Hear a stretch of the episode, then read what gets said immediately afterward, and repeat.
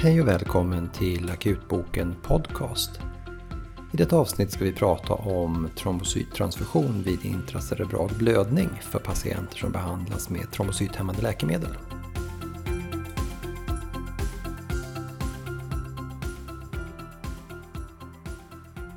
Många patienter står på olika trombocythämmande läkemedel som till exempel ASA, Clopidogrel och Ticagrelor. Dessa läkemedel och kanske då särskilt de så kallade ADP-receptorhämmarna eller P2Y12-hämmarna som Clopidogrel och Ticagrelor innebär en relativt stor riskökning för att patienter ska drabbas av intracerebrala blödningar, både spontana blödningar och blödning orsakad av trauma. Det finns här även vissa studier som talar för att P2Y12-hämmarna innebär nästan lika stor riskökning att drabbas av en intracerebral blödning som vid antikoagulationsbehandling med varan eller DOAC. När en patient som står på trombocythämmande läkemedel drabbas av en intracerebral blödning ska läkemedlet sättas ut, i alla fall temporärt, när blödningen diagnostiseras. Det skulle här vara bra att kunna reversera den trombocythämmande läkemedelseffekten, men vi har här inte något bra alternativ för detta idag. Ett tänkbart alternativ som ofta har använts tidigare är att ge patienten transfusion med trombocytkoncentrat med tanken att tillförsel av nya trombocyter skulle förbättra koagulationsförmågan och förbättra prognosen för patienterna. Här kom dock eh, 2016 den så kallade PATCH-studien som var en randomiserad studie med patienter som behandlades med trombocythämmande läkemedel och som drabbats av spontan intracerebral blödning.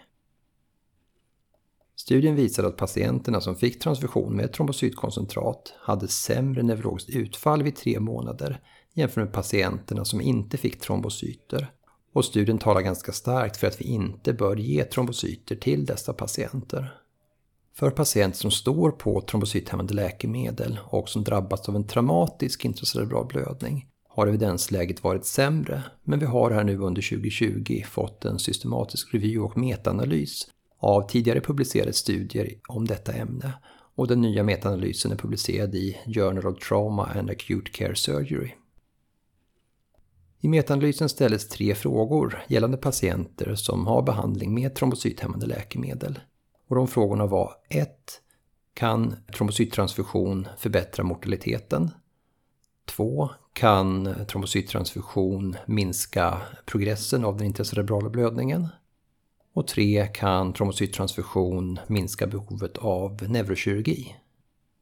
Författarna hittade totalt 12 studier om ämnet, 11 retrospektiva studier och en prospektiv observationsstudie med totalt drygt 1000 patienter, men inga randomiserade studier. Tio av studierna hade studerat total mortalitet och här visade den sammantagna analysen att trombocyttransfusion inte hade någon statistiskt signifikant påverkan på mortalitet för patienterna. Åtta av studierna tittade på risken för progress av den intracerebrala blödningen. Inte heller här såg man någon statistiskt signifikant skillnad eller förbättring avseende blödningsprogress för patienter som fick trombocyttransfusion. Slutligen så hade sex av studierna tittat på behovet av neurokirurgi. Och inte heller här fanns det någon eh, signifikant minskning av behov av neurokirurgi för patienterna som fick trombocyttransfusion. Några subgruppsanalyser genomfördes också, men inte heller här sågs några säkra behandlingsvinster för de patienter som fick behandling med trombocyter.